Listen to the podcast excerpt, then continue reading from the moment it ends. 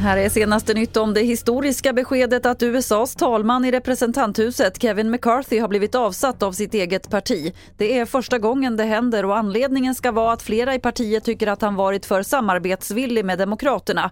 Nu börjar arbetet med att utse en ny talman.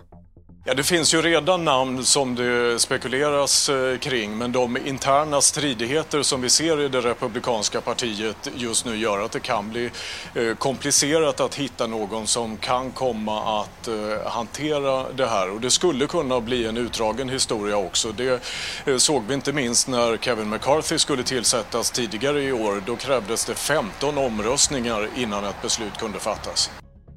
Det rapporterade Thomas Kvarnkullen som är på plats i Washington DC. Natten till idag ska en bostad ha blivit beskjuten i stadsdelen Nyby i Uppsala. Larmet kom in vid tretiden. Det finns inga uppgifter om att någon ska ha träffats av skotten. Polisen utreder det som försök till mord. Om några timmar börjar hovrättsförhandlingarna om mordet på 21-åriga Tove i Vetlanda förra året där två unga kvinnor dömdes till livstid i tingsrätten. En stor fråga för hovrätten väntas bli om det var strypgreppet som en av de dömda tog på Tove som gjorde att hon dog eller om Toves uppstötningar kan ha bidragit. Fler nyheter hittar du på tv4.se. Jag heter Lotta Wall.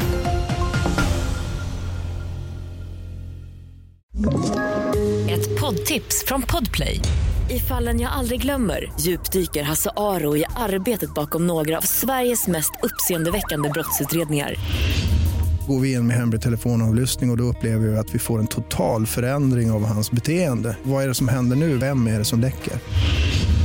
Och så säger han att jag är kriminell, jag har varit kriminell i hela mitt liv men att mörda ett barn, där går min gräns. Nya säsongen av Fallen jag aldrig glömmer på Podplay.